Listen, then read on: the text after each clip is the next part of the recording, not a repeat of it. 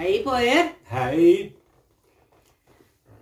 Det här är berättelsen om hur en roman skapas, hur den utvecklas och hur den sen börjar leva sitt eget liv. Eh, Jag heter Gerd Fors och det här är min man Mikael Fors Hej! som står som författare till den här romanen. Mm. Eh, Kan du berätta Micke, hur kom du dig för att eh, skriva den här romanen? Vad var det som fick dig att börja skriva? Ja, jag har, utgångspunkten är det att jag har en ganska dramatisk och komplex släkthistoria som jag ville behandla skriftligt eller litterärt på något sätt. Mm. Eh, På vilket sätt är din släkthistoria komplex och dramatisk? Kan du utveckla det? Eh, ja, det var så att jag hade en morfar som var född 1860 och han levde ett eh, intressant och delvis dramatiskt liv. Han var bland annat tre gånger till Amerika och han var tre gånger gift också. Och sen grundade han en handelsbod i en liten by i Österbotten kring förra sekelskiftet. Mm. Det är ju dramatiskt, men var kommer det där traumat in då? Uh, Det var ett, uh, ett uh, trauma som plågade familjen och som skapades av två händelser och jag föddes på sätt och vis in i, i detta trauma trots att jag är född så sent som 1954. För ännu i min barndom så pratades det mycket och, och talades om, om de här två händelserna. Mhm. Nå, innan vi eh, går in på hur den här romanen utvecklades så vill jag att du ger bakgrunden till de här två händelserna. Ja, den ena händelsen var en katastrofal brand som totalförstörde min morfars eh, bostad och handelsbord.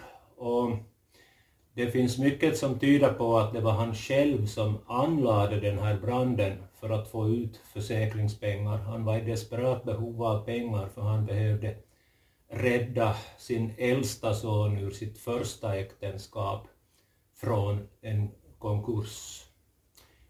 Och eh, den andra händelsen var det att eh, hans eh, yngsta son försvann i det som vi kallar fortsättningskriget som pågick mellan 1941 och 1944.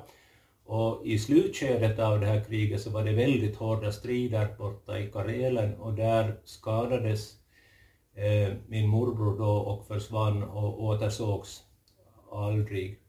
Och den här branden så lämnade han min morfars dåvarande familj på bar backe. De blev mer eller mindre utblottade då på grund av den här branden på grund av att försäkringspengarna gick åt till att betala skulder. Mm. Och sen om vi återgår till den yngste sonen eh, så, så eh, det som hände med honom, det som hände 1944, så det var ju då, det var ju då hela 14 år efter den här branden. Men eh, 1944 blev han alltså kvar där i kriget och eh, hur tog hans mor det här? Ja, hon sörjde ju honom naturligtvis hela livet och gick och väntade varje dag på att han skulle återvända. Det gick också rykten om det. Och, men han återvände aldrig och hon hon dog sedan 1968. Och eh, hon hade väntat på honom varje dag i 24 år. Ja, ja. Och allt det här som du berättar nu, det, det skulle ju kunna ge material till en hel bok. Eh, eh, ö, ö, att du, du skulle skriva realistiskt. Men, men du har ändå valt att skriva en fiktiv roman. Hur kan det komma sig?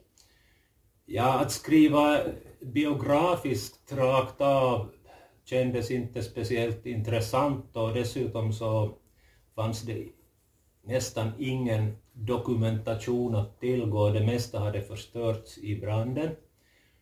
Och eh, sedan var det också det att jag ville behandla det här traumat psykologiskt. Jag ville skriva om vad som hände i folks huvuden efter de här katastroferna som, som hade inträffat i familjen. Mm, och då använde du fantasin och till hjälp? Alltså det fick bli en fiktiv berättelse då, en, en roman. Det var som jag då tyckte det enda sättet att komma framåt helt enkelt. Mm. Mm. Och i din bok så har du en berättare. Eh, Och, och den här berättaren är på sätt och vis eh, en, han är både en biperson men också en huvudperson här för han berättar saker som, som eh, rör hans farfar, handelsmannen. Ja, Handelsman Gustav, han som grundade den här bu- butiken eller den här handelsboden, mm, han, han går runt med ett, eh, eh, eh, en, eh, ett ont samvete kan vi väl säga.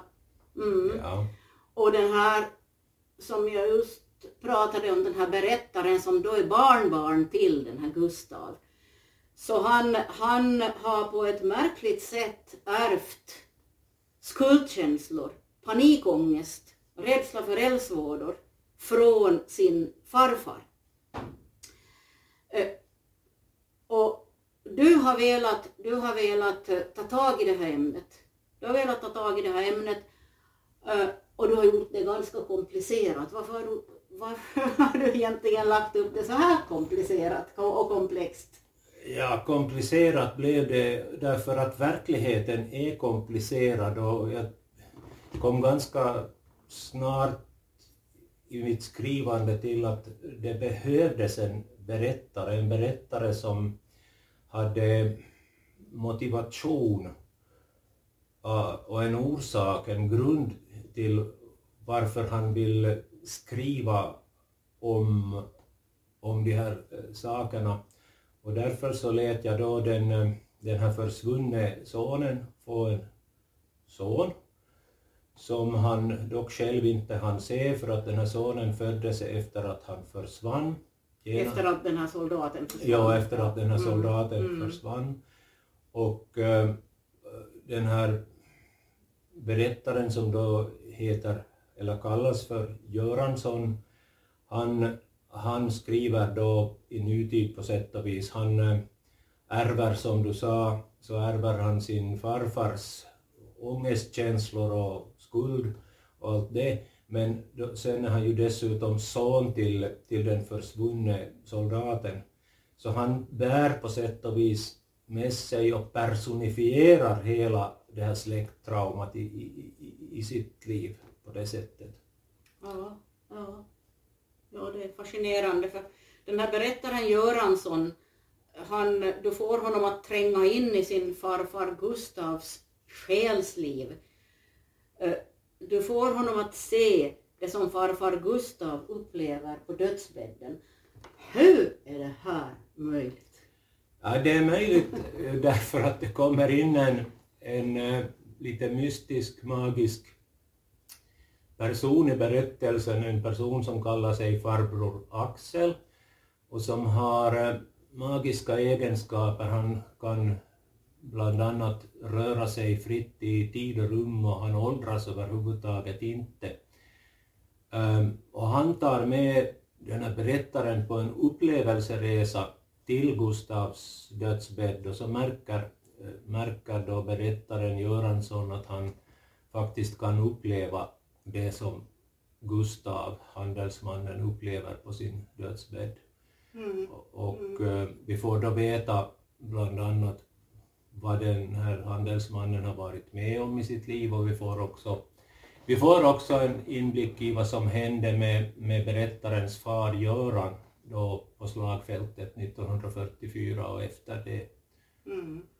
Och på det här sättet, när du har fått in ö, ö, fantasin i, i din berättelse och, och, och magiken i din berättelse, då, då gick det enklare att skriva allt som du skrev. Ja, eh, det var som om släkthistorien hade börjat leva upp via den här magiska personen, farbror Axel, och, och eh, den började, som du sa i början, le, leva sitt eget liv på sätt och vis.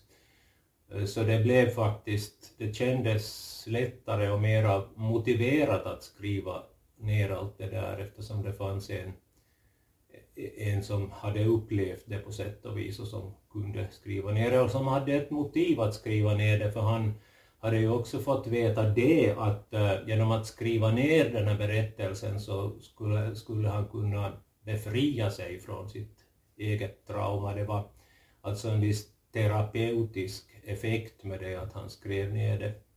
Ja, ja. och det var, det var farbror Axel som uppmanade honom att, att skriva ner för att uh, skriva ner allting det här som han hade varit med om under sin så kallade upplevelseresa. Ja. Så att uh, ledsagaren uh, farbror Axel, han blev Göranssons ledsagare men han blev också din och min ledsagare.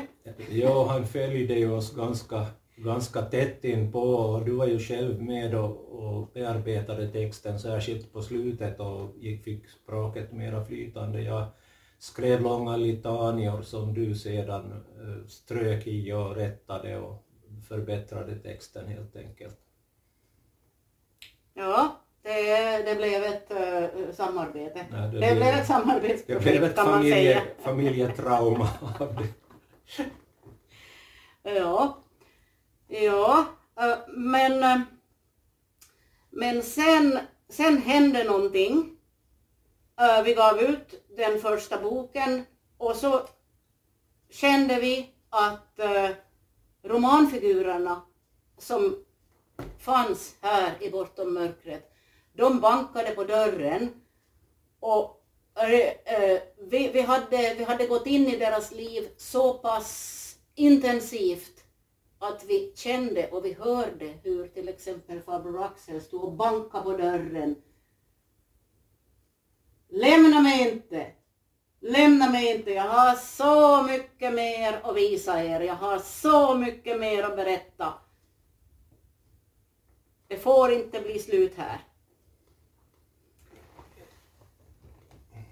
Och då skapade vi. Ja, det var så som eh, den nya romanen Änglahotellet skapades. Att farbror Axel ville berätta lite mer om sig själv och om sin bror, som förresten också finns med i Bortom mörkret, men han har inget namn. Det får han här i den nya boken. Och sedan kommer det till några stycken till eh, figurer med samma typ av egenskaper och de kallar sig då gemensamt för sekreterare, det vill säga hemlighållare betyder det ju ungefär. Om man tänker på det franska uttrycket. Ja, sekretär. Ja, för det är ju det du har tänkt. Ja. Ja. Mm. Och eh, de kan då alltså förflytta sig i, tid och rum och eh, de kan idka he, he, healing, de kan hela och de eh, kan eh, ta andra personers egenskaper. Om du har skadat din hand så kan jag som sekreterare hela den på några sekunder. Ja, det, det, det är det. Och ja, de, har, de kan också ta med eh, romanfigurerna, de mänskliga romanfigurerna på dessa upplevelseresor så att eh, de här mänskliga figurerna kan få uppleva andra tider och andra platser. Mm, mm. Eh, Men det är ju inte bara sekreterarna, det är ju också Gustavs släktingar. Eh, Därför att eh, den här, den här boken har undertiteln Andra boken om handelsman Gustavs ättlingar. Ja. Um, huvudpersonen är Eva som är dotter till berättaren Göransson. Och eh, hon har en son som heter Ville och sonen har en flickvän som heter Sara. Och de, dessa är de tre viktigaste, viktigaste personerna i boken kan man säga. Men sen finns det också andra. Där finns bland annat en illusionist, en, troll, Ja. en trollkarl. Ja, ska vi berätta att det är eh, Saras pappa? Det är Saras Ja, pappa, ja. för Sara kommer från en mycket, mycket intressant familj. Ja, det kommer fram. Ja. Och sen, och sen finns där en, eh, en äh, mycket rik, stenrik mecenat och sen finns där en riktigt sympatisk före detta proffssoldat som har en viktig roll att spela också. Jo, och han, han är ju som du sa väldigt sympatisk. Men finns det bara sympatiska eh, personer i den här romanen? Nej, naturligtvis finns det också antagonister. Och det är en terroristliga där medlemmarna är med i en främlingsfientlig organisation som kallas för Free White Christian Europe, FWC. FWCE. Yes.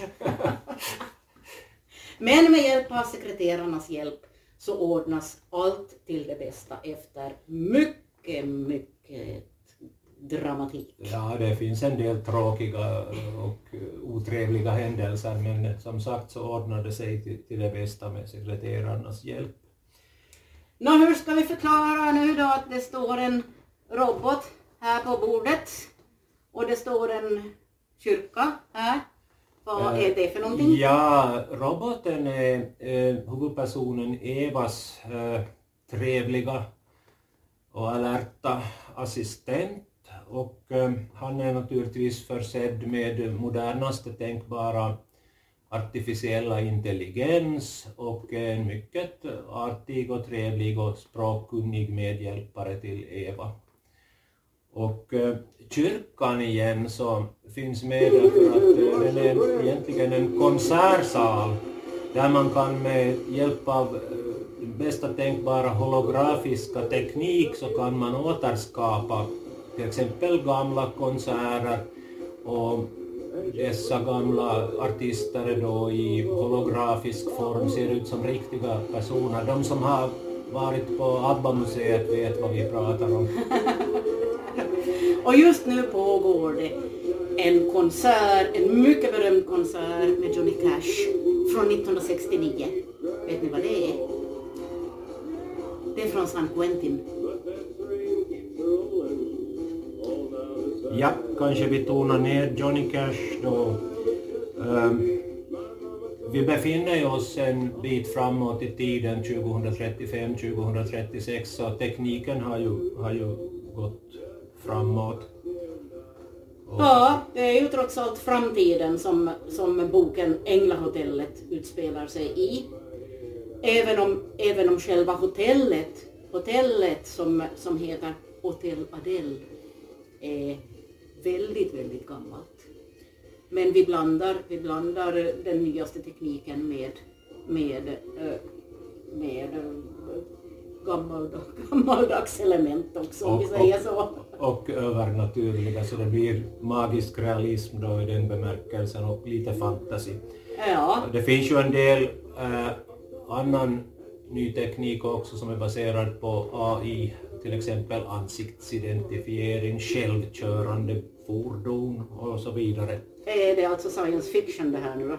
Nej, egentligen är det inte det, för att uh, den här tekniken som vi beskriver så finns faktiskt redan i någon form, åtminstone på ex experimentstadiet. Ja, det var väl allt vad vi hade att säga så här långt. Vi hoppas ja. att ni vill läsa våra böcker. Ja, det hoppas vi. Tack så mycket. Tack så mycket. Hej då.